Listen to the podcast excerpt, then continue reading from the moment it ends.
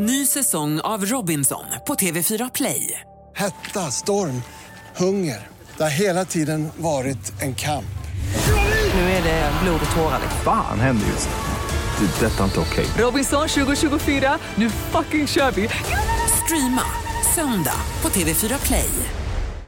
T minus 10, 9, 8, 7, 6, 5, 4, 3, 2, 1, zero, Ignition. Liftoff. Liftoff.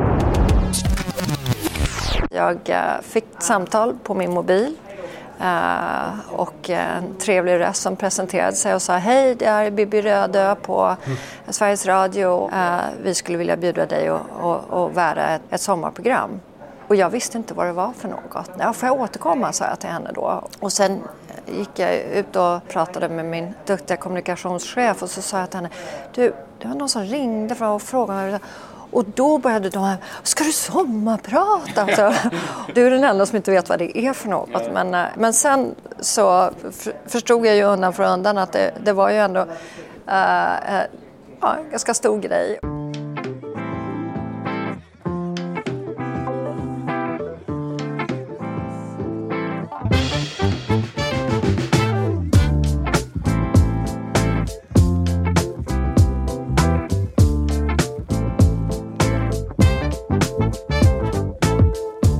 Mina damer och herrar, varmt välkomna till Nordics Abroad, nordisk succé i världen. Jag heter David Urner och i den här intervjuserien får ni lyssna till svenskar och andra nordbor som sökt lyckan utomlands, långt utanför våra nordiska gränser. En del av våra gäster är vad många skulle kalla kända och framgångsrika. Och eh, andra gäster kanske istället beskrivs bäst att de undgått den mediala uppmärksamheten här hemma i Norden, men skapat sig en spännande och lyckad karriär utomlands. Ni kommer få ta del av personliga och unika intervjuer med Oscarsvinnare, musikartister, tv-stjärnor, entreprenörer, idrottsproffs och stora företagsledare, bland annat. Och eh, vi går utan vidare omsvep direkt till en introduktion av gäst nummer två i Nordics Abroad som lyder så här. Veckans gäst i Nordics Abroad är en svensk-amerikansk politiker och entreprenör. Född i Norge, uppvuxen i Sverige och eh, bosatt i USA sedan drygt 40 år. Hur eh, påverkas man av att växa upp i en familj där pappa har smeknamnet Pralinkungen och eh, vars släkt har grundat ett varumärke för chokladkonfektyr som ja, varenda person i Sverige känner så väl till? Hur upptäckte hon the love of learning och vad var det med den amerikanska politiken som lockade henne att ge sig in i kongressvalet 2016? Aftonbladets recensent gav veckans gäst 3 plus i Åfan-faktor i och med hennes sommartal 2018. Jag hoppas att vi ska kunna leverera ett ännu bättre betyg än så i och med den här intervjun. Det är ett nöje för mig att hälsa Anna Trone Holst varmt välkommen till Nordics Abroad.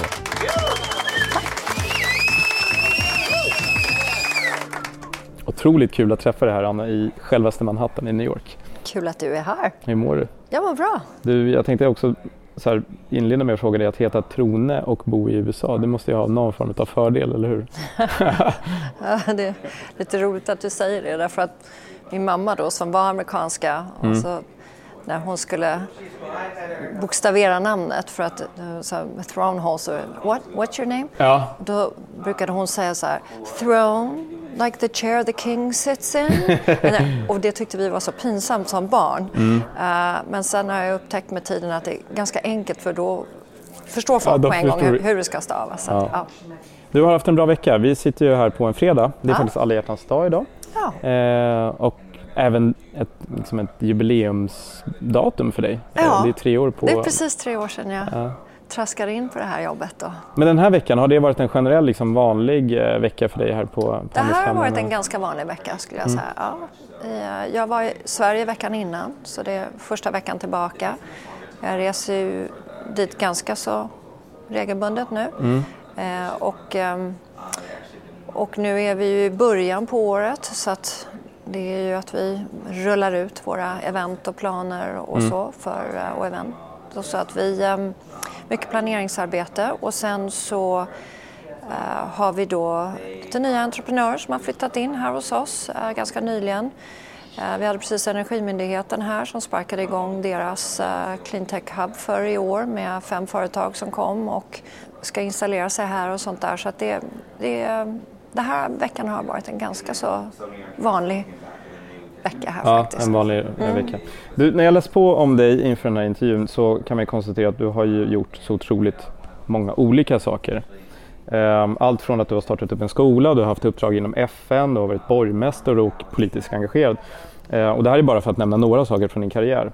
Så jag tänkte så här, om man skulle läsa upp allt det här för dig, för ditt 25-åriga jag och säga så här, det här är din framtida karriär. Vad tror du du hade liksom sagt då? Hade du sagt så här, men det, det känns rimligt eller så bara no way? Eh, jag tror att som 25-åring så visste jag precis vad jag ville göra mm. och jag ville bli uh, diplomat och uh, jag läste utrikespolitik och international relations och jag ville hålla på med just uh, ja, international relations och, och mm. utrikespolitik och komma in i det diplomatiska. Men så blev det ju inte riktigt. Nej. Ehm, men å andra sidan så, det här jobbet är ju faktiskt lite så att man främjar ju ändå det internationella och ja, allt runt uh, business och näringsliv och handel och så mm. uh, mellan våra två länder och, och Norden. Mm. Uh, men nej, det hade jag väl, jag hade ju aldrig, jag trodde ju ända tills den dagen jag hamnade i politiken, aldrig att jag skulle hamna i politiken. Så det var väl kanske den största uh, oväntade momentet i det hela. Men, ja. uh, nej, men det där med att starta skola så där också. Det, uh, men jag har faktiskt tänkt på det nu på senaste. Mina barn är ju alla i åldern nu när de söker jobb och mm. byter jobb och sånt där. Och då pratar man ju på ett sätt där man reflekterar lite grann tillbaka på sin egen och jag inser att jag har, jag har nog intervjuat för ett jobb i mitt liv. Och allting wow. annat har bara på något sätt överlappat. Ja, liksom. överlappat. Och det hade jag faktiskt inte tänkt på förrän ganska nyligen. Med, jag och min yngste son satt och pratade om det. Men vad var det för jobb som du blev intervjuad för? jag, jag jobbade på reklambyrå när jag först... Ja, du ser, det hade jag missat. det var när jag först gick ut college. Eh, och ehm, Uh, och då hade det förstås ingenting med mina, in, uh, mitt intresse i, i, i utrikespolitik och, och, international relations. Men jag talade språk mm. och uh, det är inte så många amerikaner som gör. Mm. Och då fick jag jobb på en reklambyrå som hade många utländska kunder. kunder. Och de behövde någon som kunde ah. tala med dem. Så att, uh, det var så jag fick det jobbet och det var i och för sig ett väldigt kul, spännande jobb. Men, men um, ja, och då fick jag användning för mina språk i alla fall. Så mm. att, uh, och det var nog egentligen det enda jobbet jag riktigt har intervjuat för mm. mina dagar tror jag. Vad sjukt och det är så länge sedan. Det är länge sedan. Ja. Och sen jag ska inte säga så länge sedan men ja det är ja, länge sedan. Ja men det är ändå ett tag sedan. ja, men har rätt. Eh, och sen har jag lyssnat på eh, ditt sommarprat från 2018 och eh, jag tänkte att vi initialt skulle prata lite om det. Ehm, eh, först vill jag börja med att fråga, hur fick, vad var din reaktion när du fick förfrågan om att eh, göra ett sommarprat? ja, jag kommer ihåg det faktiskt ganska väl därför att jag fick ett samtal på min mobil Uh, och en trevlig röst som presenterade sig och sa hej, det är Bibi Rödö på mm. Sveriges Radio och jag vill uh, bara säga att nu har vi pratat ihop oss här i redaktionen och uh, vi skulle vilja bjuda dig och, och, och värda ett, ett sommarprogram. Och jag visste inte vad det var för något. Mm nej, men jag lämnade Sverige som tonåring och jag, så, så, att jag, jag och då sa jag till henne, men jag bor i, i USA, jag, jag förstår inte riktigt hur det ska... Ja, sån alltså, du får ju en... Eh, och, och um, ja, får jag återkomma, sa jag till henne då. Och, um, och sen gick jag ut och kontoret då och pratade med min duktiga kommunikationschef. Och så sa jag till henne, du, det var någon som ringde och frågade mig och då började de här, ska du sommarprata? Alltså, och skrattade så, lite åt mig och sa, du är den enda som inte vet vad det är för något. Ja. Men, eh, ja, så att jag, uh, men sen så förstod jag ju undan för undan att det, det var ju ändå uh, ja, en ganska stor grej. Mm -hmm. Och uh, för mig var det roligt bara därför att jag har fått kontakt med så mycket folk som, ja, som jag inte hade sett på många, många år. Och, och så som hörde sommarpratet ja. och sen fick man kontakt med dem igen och sådär. Mm. Så att, ja, det var, det var kul. Jag har förstått när man pratat med andra personer som har eh, sommarpratat att man lägger ju ner väldigt mycket jobb och förberedelser. Mm. Eh, Det finns ju i och för sig några fåtal som typ läser upp det live i studion. Mm. Det, det tillhör en väldigt liten klick. Mm. Eh, ditt sommarprat så inleder du med att egentligen då berätta om en förlust. Eh, och eh, jag tycker det är en ganska stark öppning för du, liksom, det blir en bra intresseväckare. Och där uppger du på morgonen efter att Donald Trump har blivit eh, vald till president att eh, ja, men du känner dig liksom nästan förlamad, du är nästan chockad av den här, av den här förlusten. Så vad, vad har du liksom för minnen som du tänker på nu när, när jag berättar om den här morgonen? Ja, det är ju en sån här morgon som man nog aldrig glömmer tror jag. Mm. Ehm, men ehm, nej, men det var... Man är ju utmattad på ett sätt som jag tror man... Ja, jag har i alla fall aldrig tidigare varit så utmattad och inte sen dess heller. Och hoppas att jag aldrig kommer att behöva vara det igen för det, det är en väldigt, väldigt intensiv period. Eh, Den är ju väldigt spännande så den, man, man går ju på adrenalin väldigt mycket också och träffar en hemsk massa folk och tar till sig väldigt mycket information och eh, tigger mycket pengar. Eh, så det, det ju... Man tigger pengar ska man säga då för kampanjerna. Ja, just det, för att stödja kampanjen. Och, eh, och det är ju tyvärr så att det är mångt och mycket det som avgör mycket i det här landet också, hur det går. För att det finns ju en direkt korrelation mellan hur mycket pengar läggs ner på individuella kampanjer med att köpa reklamtid och tidningsannonser och så vidare. Eh, och större personal på kampanjen och så vidare som, som är ute och knackar dörr och allt vad man gör. Eh, men ehm, så att det var eh, emotionellt utmattande också i att man, ehm, man berörs ju av alla människor som man träffar och, eh, och man är ganska utsatt också. Ehm, politiken här har ju blivit väldigt ehm, Det verkar ju vara lite gränslöst tycker jag när man Ja, läser om, ja. om Den, den är ju det. Och, eh, menar, mina barn till exempel blev väldigt upprörda. De kunde läsa bloggar eh, där ja, någon hade, eller flera hade sagt massa elaka saker och sånt där. Men nu när du, förlåt att jag Mm. avbryter, men här, jag måste ju passa på eftersom du är så insatt i, i den här biten. Jag kan ha viss förståelse för att, man, att det sker en smutskastning mellan republikaner och demokrater. Mm. Men att det liksom sker en smutskastning inom partiet från egna partikamrater. Det, det förvånar mig väldigt mycket. Ja, nej det var väl för mig också det som var mest ehm, ja, både sårande och upprörande. Jag förstår det.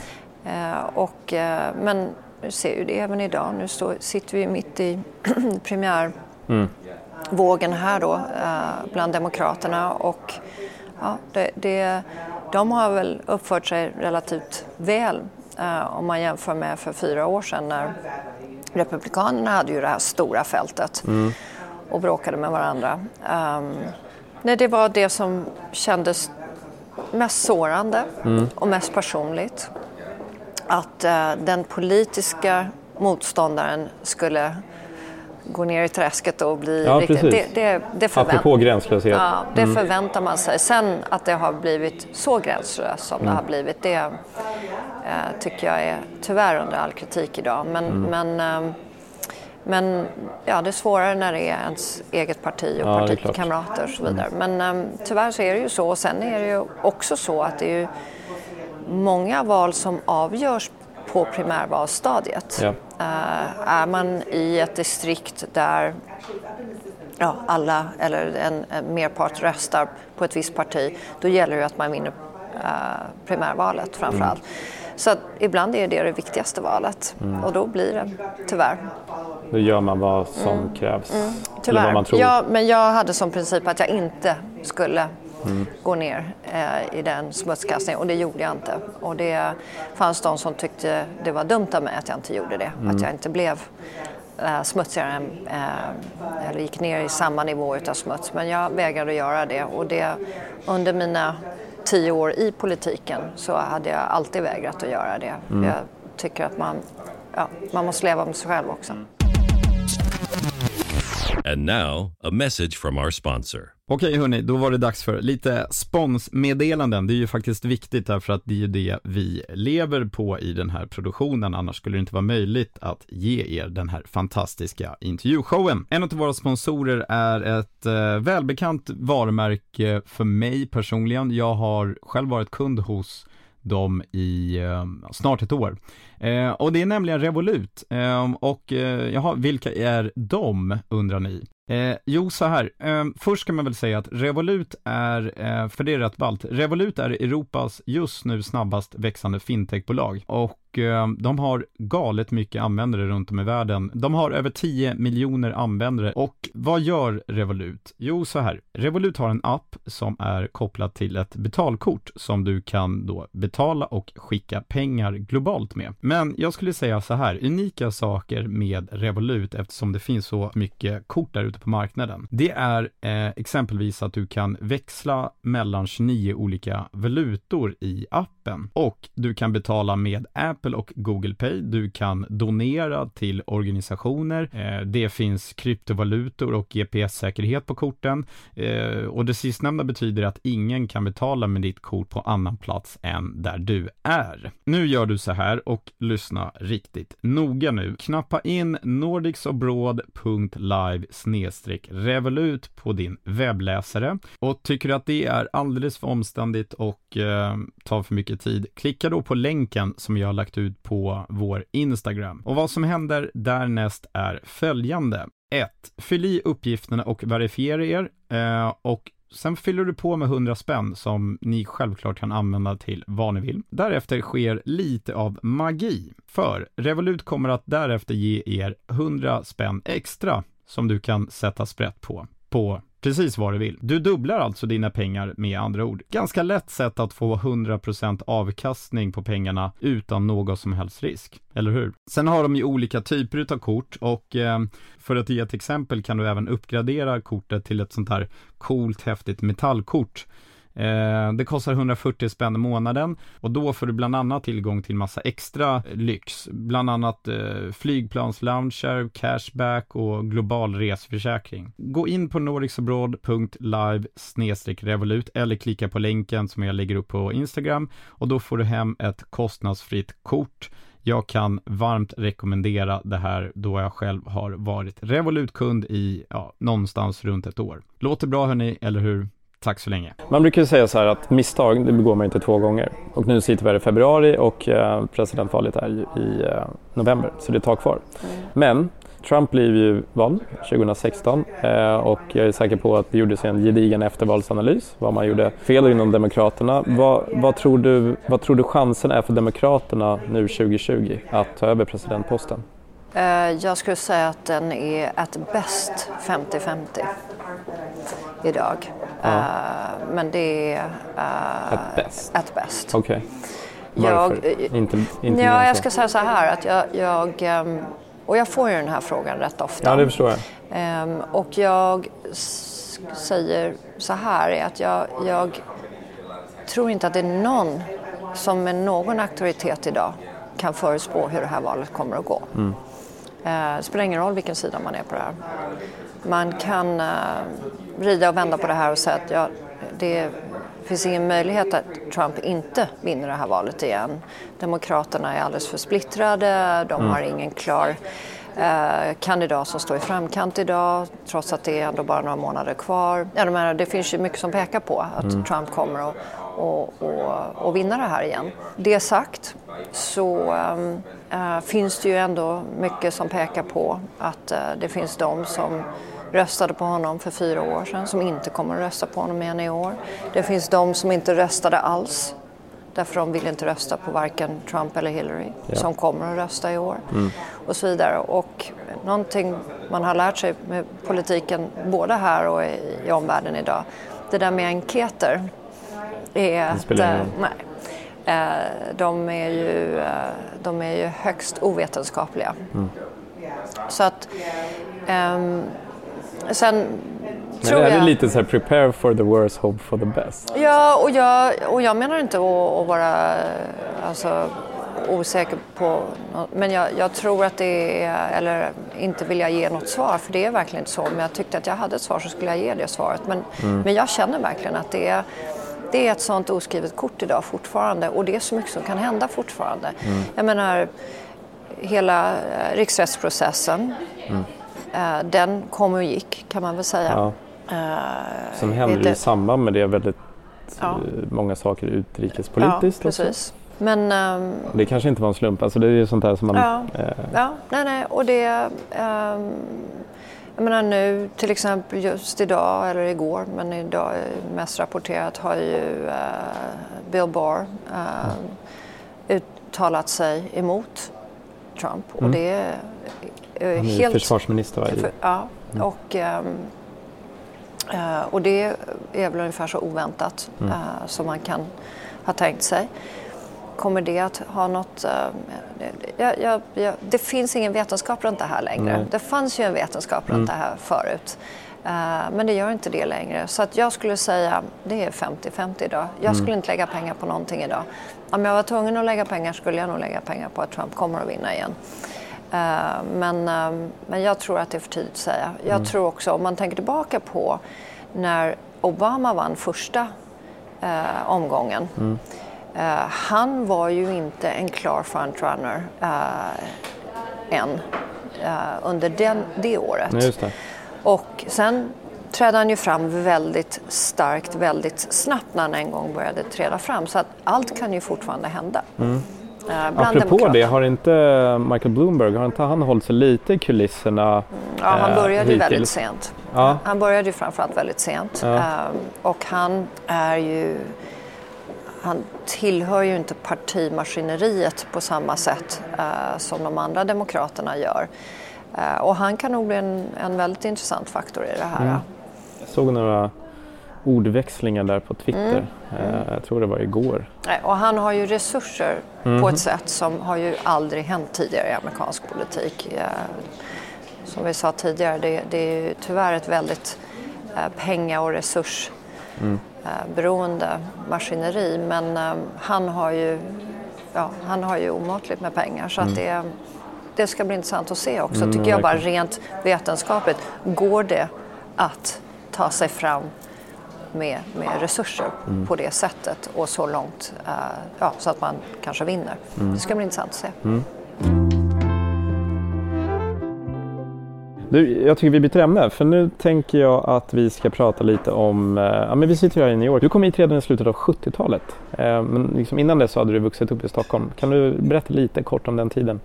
Ja, jag föddes ju i Norge, men det, det. det kommer jag faktiskt inte ihåg. Uh, vi flyttade, en kort stund bodde vi i Köpenhamn. Mm. Uh, min lilla syster är född där, men jag kommer väldigt lite ihåg det också. Och, um, så flyttade till Stockholm när jag var liten och um, Ehm, det var härligt. Ehm, jag hamnade på Franska skolan där ehm, av en, ja, lite underliga slumper tror jag. Men, mm.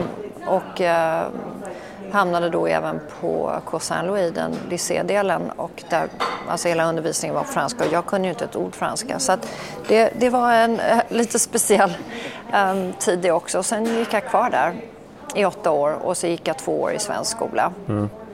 Uh, så att jag hade en ganska ovanlig uppväxt mm. uh, i Stockholm och så min amerikanska mamma uh, som var väldigt amerikansk. Ja. Och ja, pratade engelska med alla och, och sådär. Ja. Inte franska? nej, jag var den enda i familjen som pratade franska. Så sen började min syster och ett par år senare. Men, men nej, det, det det pratade vi inte runt matbordet. Nej, men, nej, eh, precis. men Apropå matbordet, vad, fanns det några så typiska samtalsämnen? Eh, mamma och pappa var väldigt måna om att middag var klockan sju och det var familjen. Ja. Eh, så det var, eh, och det fortsätter jag väldigt mycket med mina egna barn. Så mm. jag tycker det är en sån här härlig stund på dagen som mm. är viktig för, för familj. Och, eh, men ja, vi pratade om mycket. Med, vi var ju väldigt internationell prägling i, då runt bordet och, och, och samtalet. Och pappa som var VD på Marabou då, han, han eh, men gjorde mycket affärer med USA mm. och Hershey's och han startade ju hela Estrella och Divong och, och lite den här snack food-industrin i Sverige. Så att, um, Var du medveten om att du hade en annorlunda familjebild på det sättet? väldigt medveten. Ja, okej. Väldigt medveten. Framförallt därför att min mamma eh, lärde sig inte att prata svenska. Så hon, ehm, eh, och som barn så är man ju ofta, eh, tycker man ju det inte så roligt. Eh, men mina kompisar tyckte det var jätteroligt att komma hem och Ja, det kan jag tänka mig. Ja, och min mamma var en väldigt härlig, öppen Så mm. de tyckte det var kul att komma hem och träffa henne också? Ja. och vi hade ett väldigt amerikanskt hem också. Det var heltäckningsmattor på golven och sånt där. Och det var inte så mycket, fanns ju inte så mycket sånt i Sverige på den Nej. tiden. Eh, och ett amerikanskt kylskåp och såna här grejer. Och, ehm, så att, eh, ja, nej, jag var väldigt medveten om att vi levde ett annorlunda familjeliv än, än vad de flesta svenskar gjorde.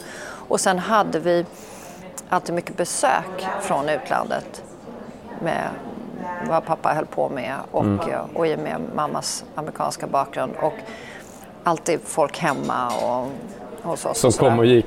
Mm, Ja. Som kom och gick. Ja. Och sen var mina föräldrar väldigt konst och musikintresserade också. Och, Jaså. eh, mm, och ehm, vi eh, eh, hade, pappa älskade opera så vi hade opera, folk från operan hemma hos oss och de eh, åt middag som var vänner. Alltså, nu berättar jag Eh, låter det hur kul som helst. Ja, nej, men vi hade, vi, jag hade en jättehärlig uppväxt. Och, och pappa ville att han sk- vi skulle ha musik i alla rum så han satte högtalare i alla rum. Idag har man ju det som Ja. men det fanns ju inte på den tiden. Så att, ja, han liksom gick i skolan med Frank Sinatra som spelade i bakgrunden och, och sånt där. Så att det var, nej men pappa var en väldigt härlig och väldigt kulturintresserad person. Och han var också, det var något som han ville ju dela med sig på jobbet också. Så att, ehm, eh, tog dit varje år eh, runt jul någon artist av något slag. Så ett år var Josephine Baker där och, och eh, stod på scen i matsalen på Marabou och Danny Kaye och så, så att, ehm, Wow. ja, så att eh, nej, men det var, sen gick min pappa tyvärr bort samtidigt som jag åkte till USA. Så att ehm, ja, det blev ett abrupt slut på den, på den barndomen tyvärr. And now, a message from our sponsor. Hej allihopa, då var det dags för ett litet sponsmeddelande igen. Det är otroligt viktigt för oss att vi har sponsorer i den här showen. Och eh, det är med stolthet som eh, jag kan berätta att eh, en av våra andra sponsorer är Matsmart.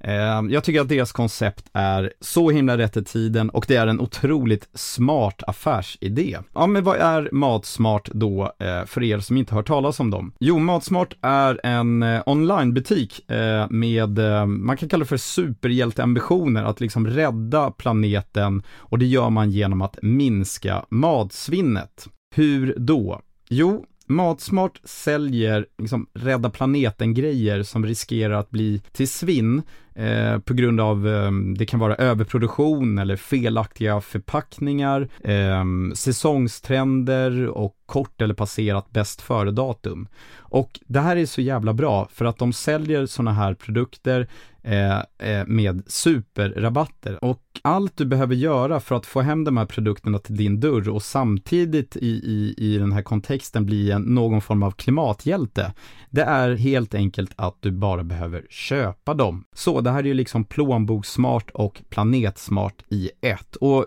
självklart, leveranser sker till hela Sverige. Vi på Nordics Abroad har även fått en extra liten present att ge er lyssnare, nämligen en rabattkod som ger 50 kronor när ni klickar hem varor för 350 spänn eller mer, vilket ger er en fri frakt av varorna. Grymt ju!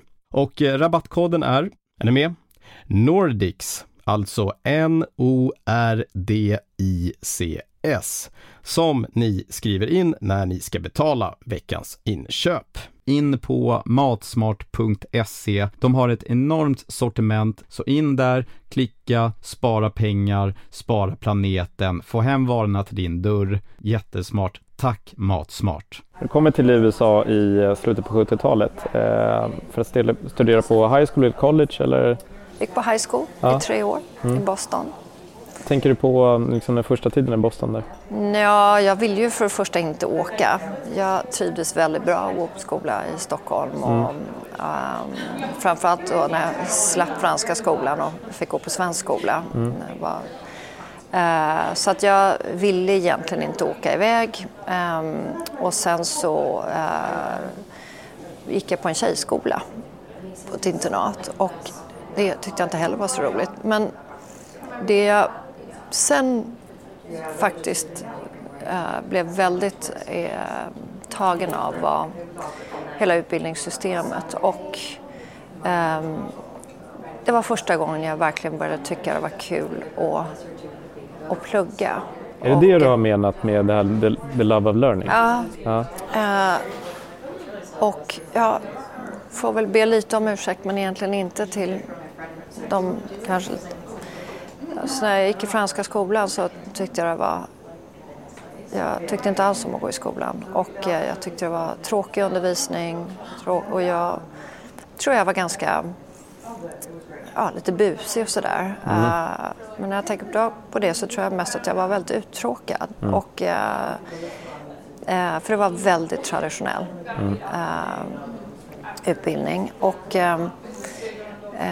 men sen när jag när jag kom in då på high school här och eh, det var mycket litteratur och mycket historia och mycket och, och samhällskunskap och eh, där har jag faktiskt ett, första gången jag, jag läste en samhällskunskap och så fick vi i uppdraget, vi skulle debattera och då var debattfrågan eh, runt eh, daghem och mm.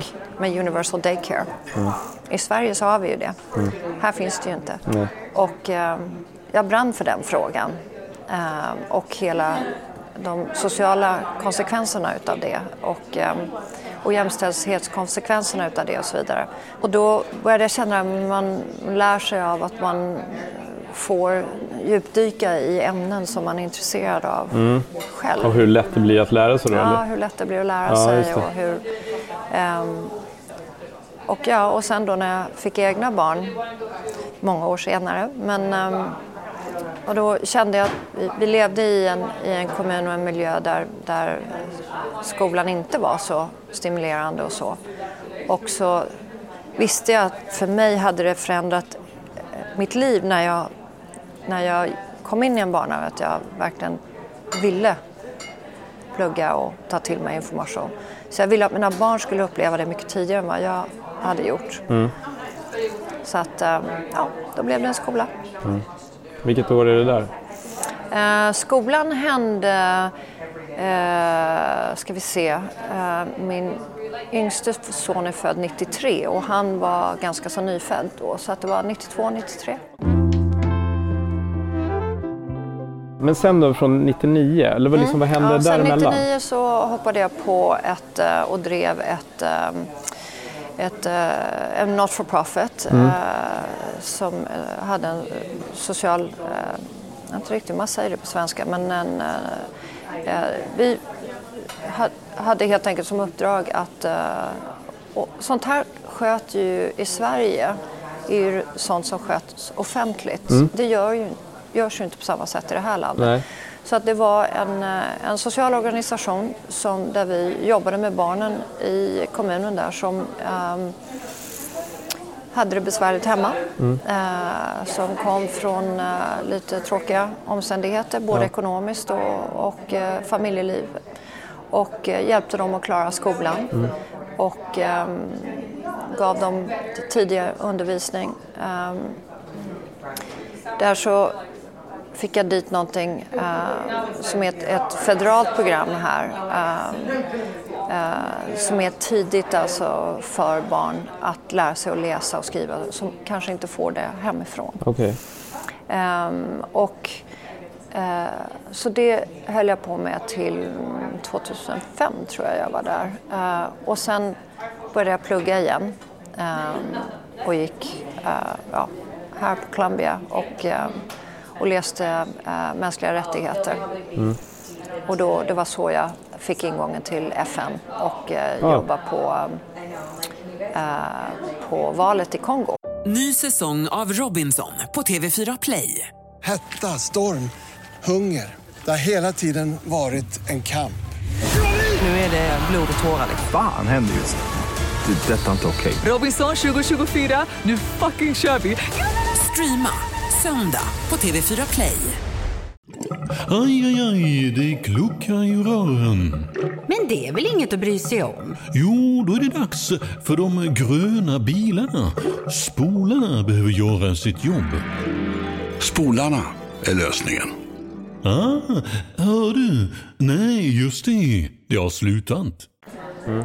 Men hur funkar det där med FM? Alltså blir man bara uppringd och så här, hej? Nej, jag hade, då hade jag turen att jag hade eh, en av mina professorer, eh, hon, eh, fransyska, eh, var Kofi Annans Chief of Staff när han drev DPKO, Department of Peacekeeping. Mm. Eh, och jag fick jättebra kontakt med henne. Eh, jag var lite äldre än de flesta eh, eftersom jag gick tillbaka och gjorde min masters lite senare i livet. Och, ehm, ja, och jag kunde ju franska då, så hon och jag...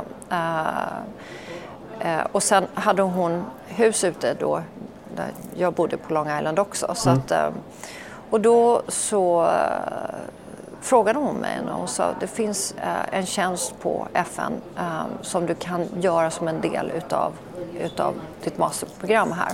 Ah. Eh, och just då specifikt för att jobba på, det var ju då de första demokratiska valen i Kongo på 41 år. Och hela logistiken runt det. Så att det var så det hände. Och sen har du varit borgmästare. Ja. Jag tycker det är så kul att liksom, alla de här variationerna Ja, är det, otroliga. det finns Men ingen på riktig röd tråd. Ja, det Mm. var då där jag bodde ända tills för tre år sedan. Jag Mm. flyttade för, tillbaka hit. Eh, och det mm, hade att göra med då att jag hade startat den här skolan och varit eh, väldigt socialt engagerad i de sociala frågorna där då. Och då blev jag ehm, tillfrågad. Jag ville faktiskt också när jag blev klar med uppdraget på FN och min utbildning så stundade då valen Mm. eh, efter George Bush Mm. och ehm, ja, hela ingången i Irakkriget och hela det där vilket jag tycker är en av de absolut värsta utrikespolitiska besluten som har tagits i världshistorien. Mm. Eh, och vi lever ju med konsekvenserna och kommer att leva med de konsekvenserna på sätt som tror jag inte är så vida förstått. Jag menar det ena har ju lett till det andra som har lett till det tredje. Det har ju haft en, en, en enorm snöbollseffekt det där. Ehm, och då så hade jag jobbat tidigare som volontär med en sittande congressman ehm, som heter Tim Bishop som faktiskt var den platsen som jag sen kandiderade för. Mm. För han satt i styrelsen på det här eh, sociala organisationen som jag drev. Och, eh, och då var jag intresserad av att, engagera mig i, ett, ja, en kampanj, en kandidatkampanj, men för presidentvalet. Ja, just Och då stod ju eh, primärvalet mellan eh, Hillary Clinton och Barack Obama. Mm. Eh, och, eh, och då när jag eh, pratade med dem om det så sa då partiledningen där Nej men vi tycker att du ska kandidera själv. Mhm. Ja, en sak ledde till och de sa Nej, men snälla gör det här och det är Ja. en lång historia varför. Men, Ja. men, ehm, och då tänkte jag att ja, jag kommer aldrig vinna det där ehm, därför att det var eh, ett väldigt re- republikansk eh, kommunalråd då och, och så. Men eh, det var ändå vissa frågor, särskilt runt skol och utbildning och lite sociala frågor och så som jag tyckte de var inte ens med i, deba- i debatten så jag tänkte ja, men då kan jag åtminstone se till att det kommer upp i debatten så Ja, jag, jag ställer upp av den Mm. anledningen. Men lång historia kort så vann jag det där. Ja. Och, ehm, Så stod du där som borgmästare. Ja, alltså först blev jag ju invald i, i, som kommunalfullmäktige som en del utav kommunalrådet där och Ja. sen två år senare så utmanade jag den sittande borgmästaren Ja, så och då funkar. vann jag det valet Mm. Och så satt jag då resterande tiden som borgmästare. Ehm, och ja, det var ju ett otroligt intressant jobb och ehm, igen, Love of Learning. Där måste man lära sig något nytt varje dag Mm. och man måste eh, tänka hela tiden hur ska vi lösa det här? Och Mm. det är allt ifrån hur ska vi lösa eh, ja, hur vägarna tas om hand, hur Ja, men typ Skatte- allt i ett samhälle. Mm. Hur tar vi tag i sopor och sophämtning? Mm. Och, eh, och faktiskt under de åren som jag satt som borgmästare, då hade vi en stor, vad vi kallar för named storm här då. Sandy till exempel, fick ju namnet Ah, ja. Sandy. Ja. Och, så. och när stormarna går över en viss då, nivå i hur intensiva och, och Så riskfyllda de är, ja, så graderas och så får de ett namn då. Mm. Och jag hade då under mina år en named storm varje år. Det var antingen en Oj. vinter och snöstorm Och eller... det var, hörde inte till vanligheterna? Nej, det hörde inte till vanligheterna. Eh, och vi har inte haft någon named storm sen jag lämnade där så att jag vet inte om jag... Mm, vad finns det för symbolik i det jag där? vet inte. Men, eh, men eh, så, att, så mycket krishantering och Ja. jag satt som borgmästare då när Sandy slog ner, Mm. den stora orkanen. Och, eh, och den påverkade ju jättemycket och där eh, behövde vi, eh, ja, vi behövde evakuera folk som bodde längs kustlinjen där och eh, se till att det fanns bensin på mackarna så att Mm. folk kunde tanka sina bilar. Alltså och, traditionell släcka bränder. Eh, Ja, Eh, och också ja. f- och förbereda sig Mm. på vilka bränder som kanske kommer. Mm, att, eh, mm. Och mycket ekonomiska frågor också. Det var ju... ehm, eh, ja, jag började då 1 januari 2008 mm.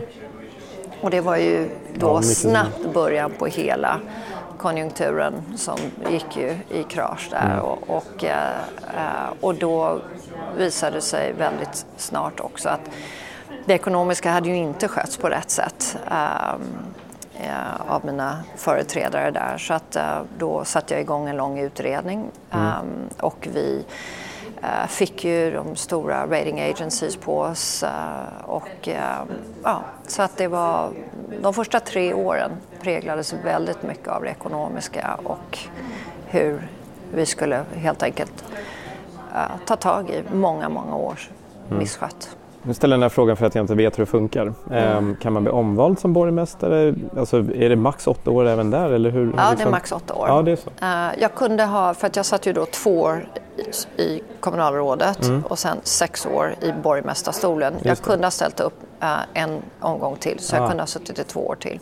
Och det var lite av avvägningen för mig då när jag blev tillfrågad om jag kunde, om jag ville eh, kandidera för kongressen. Ja. var ju att jag, jag visste att jag kunde ha ställt upp och förmodligen ha blivit omvald ehm, som borgmästare och, och gjort det i två år till. Men som min äldste son sa till mig, mamma, hur måste ju göra det? Vem får en sån chans i livet att vara med om den saken? Du brinner ju för de här grejerna, du måste göra. Ja. Så att, ja.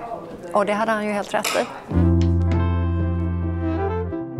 Nu måste vi, eh, tycker jag, eh, spola fram lite. Därför att eh, som vi pratade om i inledningen så ställer du på kongressvalet 2016 och sen 2017 så blir det liksom tillbaks till näringslivet igen. Lämnar Ja. liksom politiken och sen Ja. sitter vi här på eh, Svensk-amerikanska handelskammaren i New York. Mm. Berätta hur det gick till. Eh, Det gick till så där så mycket saker har gått till i mitt liv. Ja. Att jag fick ett telefonsamtal ja, någon dag eller två efter jag hade förlorat det där valet. Och som jag beskriver i sommarpratet, att är, man är lite utmattad och, eh, ja, och man blir ju genast ganska filosofisk också. Mm. Plötsligt har man ju tid på sig. Jag hade ju inte haft tid att sitta och tänka. Och, Nej, ja, du hade ju bara haft den här, Ja, om, du ska dit. ja, och det är 24-7 man Mm. bara jobbar och håller på. Så att, ehm, och då blev ju tanken genast, jaha, vad ska jag göra härnäst? Mm. Ehm, men då kunde jag inte låta bli att liksom skratta åt det där. Att, ja, jag, nu slapp jag egentligen tänka den tanken igen också. Eh, för då fick jag det där samtalet då, ehm, av en styrelsemedlem här som sa till mig, ja, det var tråkigt det där med valet, men, men du, jag har en jättebra idé. Både för dig och för, för kammaren. Och, ska du inte hoppa på det här? Saker har en tendens i ditt liv att bara poppa upp lite så här va? Ja, Anna, det, jag, och jag kan ju bara säga att jag, jag känner att jag har haft en fantastisk tur och jag känner mig väldigt uh, ödmjuk för det. Att mm. jag har ju, um, sen har jag väl kanske jobbat väldigt hårt när jag har tagit på mig saker så att jag vill inte bara ta saker för givet i, i livet. Och sen, jag hade faktiskt en, en uh, ung person här igår som ville fråga mig om lite råd mm. uh, och stå lite i ett vägskäl. Och jag sa till honom, du, jag kan inte ge ett, något annat råd än att, och det här har jag alltid sagt till mina barn också, blunda och vad vill jag göra i livet? Vad vill jag åstadkomma? Vilken skillnad vill jag vara med om att, om man nu bryr sig om samhälle och bryr sig om sina medmänniskor och bryr sig om att, ja, att, att världen rör sig framåt positivt om, om jag fick välja, hur skulle jag vara med och hjälpa till med det? För det översätts nästan alltid till en verksamhet av något mm. slag. Och jag har faktiskt alltid bara gjort saker och jobbat med saker som jag har, jag har brunnit för. Och det sa jag till den här, han råkar ha samma efternamn som mig, han heter Holst i efternamn fast mm. han är amerikan och han också var på, alltså han, han eh, bad om att få träffa mig och sa jag tror att vi är släkt det är vi nog inte. Men, men, eh, men så ville han fråga mig då, jag bara, kan du ge mig något råd på vägen? Och då sa jag, jag, jag kan inte ge dig mer än att gör det du brinner för. Mm. Um, för då kommer du vakna varje morgon. Det betyder inte att du inte kommer ha några jobbiga dagar, för det har jag haft många. Men, men där du ändå känner att ja, men jag gör Någon någonting form av naturlig man... drivkraft ändå som ja, du inte behöver forcera. Ja, låter det som. Ja. Vi måste ju prata om din prägel som du har satt på den här verksamheten sedan du ändå tillträdde som VD. För du har ju, eh, ni har ju lanserat ett nytt projekt som mm. vi kallar för, som ni kallar för mm. Gateway. Mm. Eh, du måste berätta om det här. Vad handlar det om? Jo, men det handlar om att, um, ja, som sagt, jag, jag, när jag då tog på mig det här och uh, det, det, var inte riktigt så enkelt som jag fick det här samtalet och sen hoppade jag in här. Utan jag, inte? Nej, nej jag, jag, jag blev faktiskt tillfrågad uh, av um, av guvernören här också mm. kom och hoppa på ett, ett, som var väldigt spännande för mig också som hade att göra med lite saker som är just runt miljö och, och eh, men, men ehm, för mig var det ändå att efter alla dessa år mm. som vi nu har pratat om, sen mm. jag flyttade från Sverige, att få koppla tillbaka till Sverige. Och just att jag hade svenskt näringsliv i blodet lite grann mm. också. Och också att jag ändå följt ganska nära hela den här entreprenörs och innovationsvågen som kommer ur, ur Sverige och hur spännande och duktig den är. Och lite det här det finns ju den här barnboken The Little Engine That Could mm. här i USA och uh, någon läser för mina barn och sånt där och det här lilla tåget då som tuffar, tuffar, tuffar och, och är uh, trots att den är liten och så här, men är tuff och klarar mycket. Och det, Sverige är ju lite så. Det är ju ett litet land ja. med en relativt liten ekonomi på så sätt och, mm. och, så. Men, men som ändå alltid har stått så, ja, har mm. varit så innovationsdriven mm. och, och, vetenskapsdriven och samhällsdriven. Och, mm. och så att, eh, och det var ju mycket av de frågorna jag brann för under mina politiska år. Så att mm. För mig var det ju det som var det mest spännande med det här. var att Okej, okay, hur, hur blir man då ett lite oumbärligt redskap i hela den här skjutsen in i den amerikanska marknaden och sen mm förhoppningsvis en ännu större marknad. Men, och där man kan hjälpa till att lysa på allt det här viktiga som kommer från Sverige, de här kärnvärdena runt hållbarhet och, och miljö och jämställdhet. Och jag tycker en, en lite, lite integritet runt uh, hur man gör business och hur man tar hand om folket man jobbar med och mm. som jobbar åt ett företag och med ett företag um, som är inte alls lika utpräglat i det här landet. Och, um, uh, så då satte jag på mig lite tänkarhatt där då och även pratade ihop mig med den här fantastiska unga uh, gruppen med kollegor som jag har här och um, och bollade mycket med dem och fick Mm. lära mig väldigt mycket av dem. Mm. För de kom ju, alltså, hade ju stigit av planet från Sverige och utbildade i Sverige och så vidare. Mm. Och jobbat eh, en del i Sverige. Och då pratade vi om, men vad är det bästa man kan göra? För om man tittar på vår mission som är samma som den har varit i 114 år, vilket är ju då att stödja svenskt näringsliv och hela bryggan mellan det amerikanska och svenska näringslivet. Ehm, men hur ser det ut idag Mm. jämfört med hur det såg ut 1906? Mm. Och det är ju ganska stor skillnad. ganska stor Ja, skillnad. och om man tänker då de här storföretagen som var ju och har alltid varit, eh, de har ju alltid varit stöttepelarna här och legacy-medlemmarna här. Men de kom ju som redan etablerade storföretag. Mm. Enormt stor skillnad om det kommer ett Ja, enmansföretag. när man kommer med hela den infrastrukturen och man Ja, har visst. ekonomin på plats och så vidare. Det är ju en helt annan sak än att komma ett par unga entreprenörer med Ja. en god idé och, och ganska begränsad kassa och eh, har inte råd att ta till sig Nej. hela det nätverket som man behöver. Så att, eh, men det är ju ändå den nya ekonomin. Mm. Och sen också, inte att förglömma, är ju vad viktigt det är att kunna sammankoppla nytt och gammalt, stort och litet. Mm.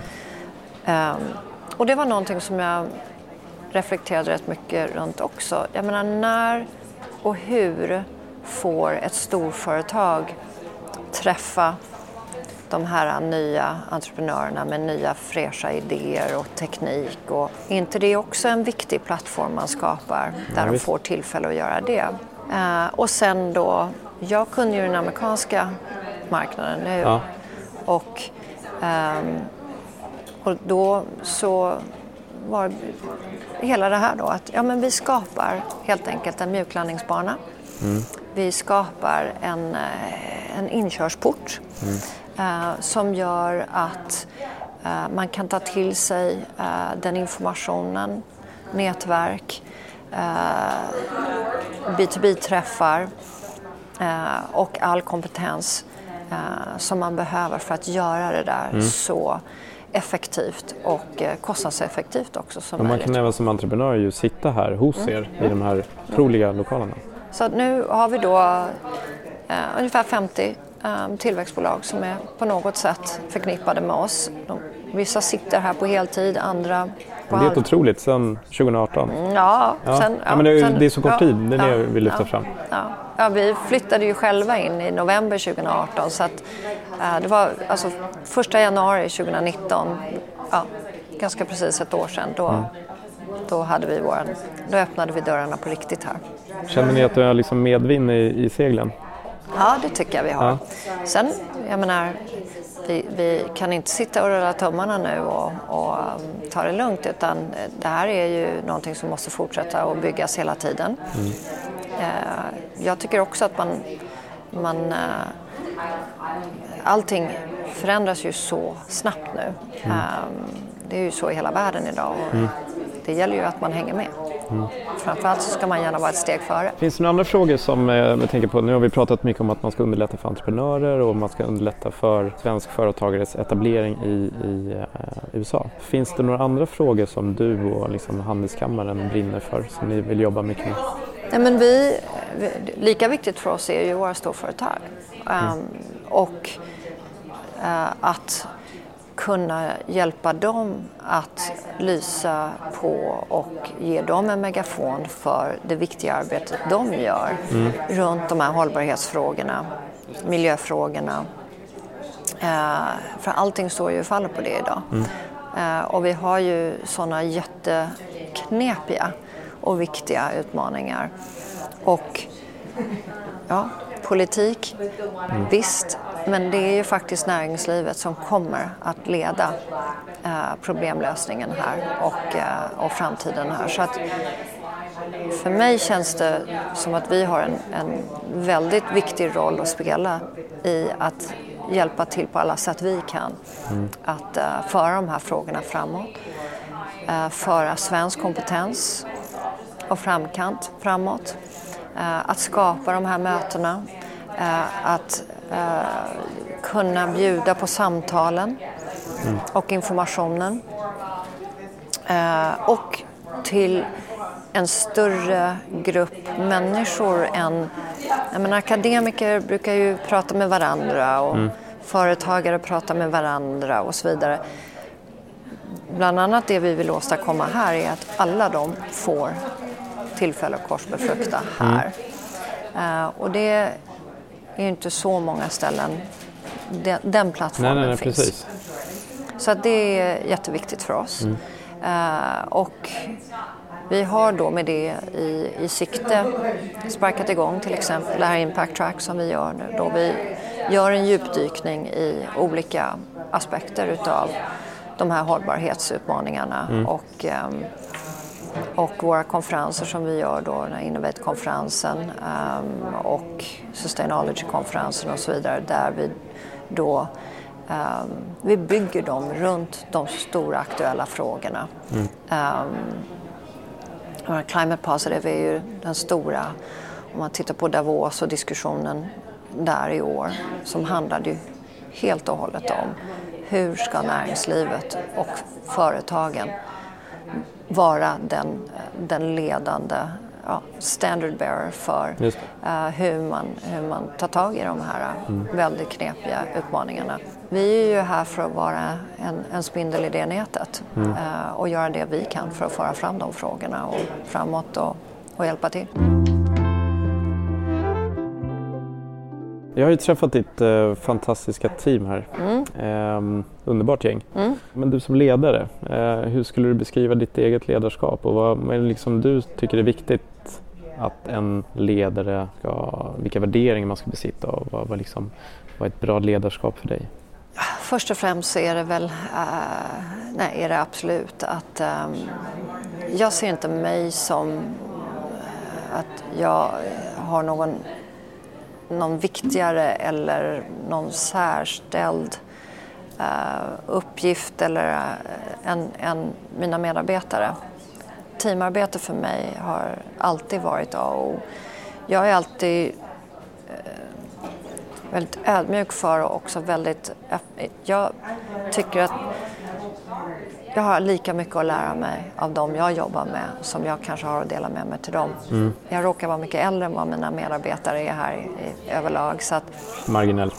Ja, uh, okej okay då. Uh, men uh, ja, jag har varit med om lite i alla fall. Så att, uh, jag tycker att det är en del av både mitt ansvar och um, jag, jag, vill kunna hjälpa och utveckla mm. en, en yngre generation. Ehm, och ge dem lite råd på vägen och, och dela med mig av mina erfarenheter i hopp om att det hjälper dem i deras um, karriärer och jobb. Men jag känner också att jag har alltid så mycket att lära mig utav dem mm. och uh, jag har alltid tyckt om att jobba med unga människor av den anledningen. Och nu har jag ett väldigt ungt team här och uh, tycker jag är jättekul. Uh, vi har tycker jag. En jättehärlig stämning också. Um, och... Ja, men det känner man när man kommer hit. Mm. Alltså det finns ju Kul en, det. ja, men det är så en mm. skön energi. Mm. Nej, och det, uh, ja, som, om man nu är ledaren då så mm. måste man ju bana vägen för det också mm. och vara, vara den som, som säger så här ska vi ha det. Och, uh, så att jag, jag hoppas kunna dela med mig av att det jag gör, jag gör för att jag brinner för och för att jag har en passion för, för arbetsuppgifterna och så. Um, och, uh, och jag hoppas att den det, det smittar, av. smittar av sig helt enkelt. Tror du att de skulle beskriva dig likadant? Det vet jag inte, men får du fråga dem. jag hoppas det, men jag vet inte. Ehm, jag skulle eh, vilja att du ger tre tips. Ehm, för att mycket av ehm, vad vi vill åstadkomma med Nordic så bra det är ju dels att få träffa er personer som är yrkesverksamma utanför nordiska gränsen men sen handlar det ju också mycket, tycker vi, genom vår plattform att ge tittarna och lyssnarna råd och tips på eh, ja, men om man själv vill komma ut och testa arbetslivet utomlands. Vilka är de liksom tre Mm, det behöver inte vara de viktigaste men det kan ge i alla fall tre råd till lyssnarna vad man ska tänka på om man till exempel vill åka till, man behöver inte starta en eget företag tänker jag utan om man vill åka och uh, försöka jobba i, i New York. Nummer ett skulle jag säga, gör det. Mm. Uh, därför det är någonting man aldrig ångrar. Man kanske inte slutar här, man kanske åker tillbaka igen och det är bara bra om man gör det tycker jag. Våga. Ta, ja, men våga gör det. Um, ja, för det är ingenting man någonsin ångrar. Sen är det ju inte alltid soliga dagar och, och, och så lätt, men, um, men gör det därför att det är en erfarenhet som är viktig. Mm. Vi lever i en global ekonomi idag, vi lever i ett globalt samhälle idag. Jag tror när vi när man uh, bemöter främlingsfientlighet och lite instängda syn så är det mest för folk som inte har varit ute i världen och tagit till sig den erfarenheten. Um, och det finns bara det finns bara bra uh, outcomes utav att uh, vara ute i världen och ta del utav det här globala samhället. Um, så att våga gör det. Um, gör, uh, gör läxorna innan. Vad menar du med det? Jo, läs på innan. Mm. Förstå vad det är man ger sig in på och, um, och undvik kanske uh, lite annars oundvikliga misstag. Mm. så att Uh, och sen tänk lite grann på, som jag sa tidigare, de råden jag ger mina barn och andra är vad kan jag göra för att um, ta med mig av det jag brinner för och, mm. och bygga någonting från det jag brinner för. För att då kommer man att trivas med sin vardag, trivas med sitt jobb um, och jag tror att man drar åt sig folk som fungerar på samma sätt. Mm. Och eh, förhoppningsvis skapa lite positiv anda utav det.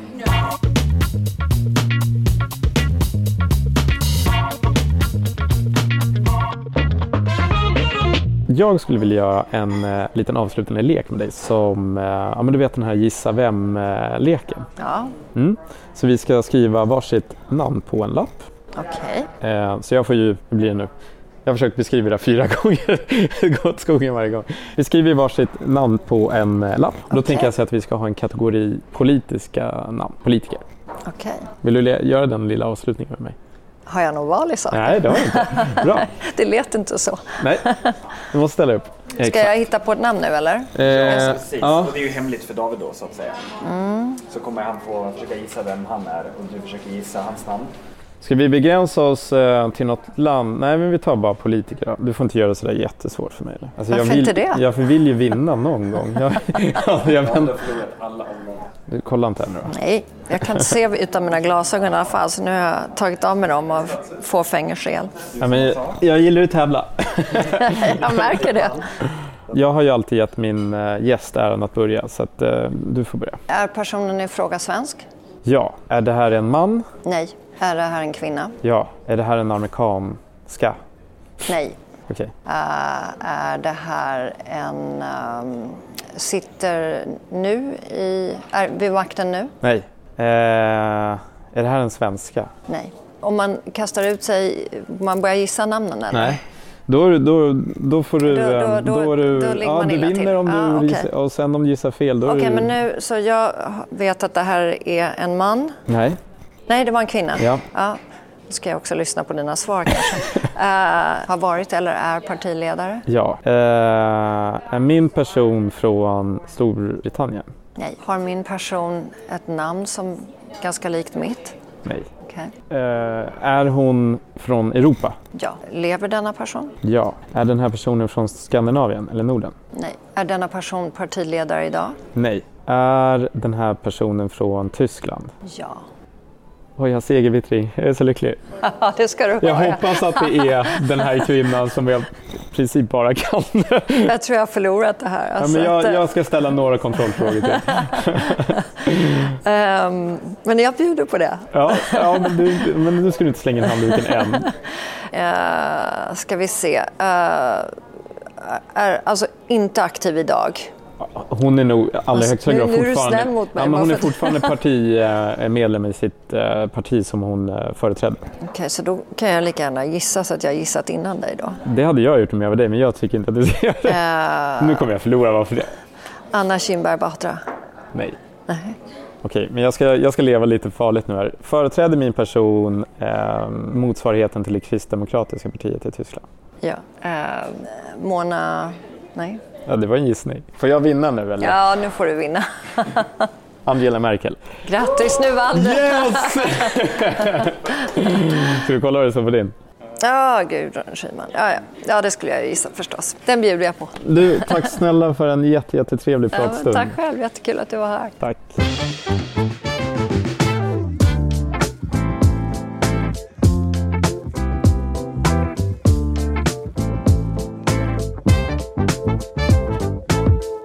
Och förutom ett tack till Anna för hennes medverkan så vill jag även sända ett stort tack till er som lyssnar på Nordics Abroad, nordisk succé i världen. Gör mig nu en riktig björntjänst och dela med er av Nordic Abroad i era sociala kanaler så får vi ännu fler som hittar in till den här fantastiska intervjuserien. Glöm inte heller att prenumerera på iTunes eller Podcaster eller vilken poddapp ni nu använder. Då får ni automatiskt nya avsnitt direkt i eran smartphone. Samma sak gäller med vår YouTube-kanal. Klicka på prenumerera så missar ni inget avsnitt. Nu på fredag kommer videoavsnittet med Anna ut. Det får ni inte missa. Och jag hoppas att ni verkligen inte missat det allra första avsnittet i Nordics Abroad med Maria Montazami som släpptes för ett par dagar sedan. Mycket nöje utlovas. Lämna era synpunkter på showen på våra sociala kanaler och ge gärna en recension på iTunes. Vänner, sköt om er nu så hörs och ses vi snart igen. Puss och kram. Ny säsong av Robinson på TV4 Play. Hetta, storm, hunger. Det har hela tiden varit en kamp. Nu är det blod och tårar. Fan händer just nu. Det. är Detta är inte okej. Robinson 2024, nu fucking kör vi! Streama söndag på TV4 Play.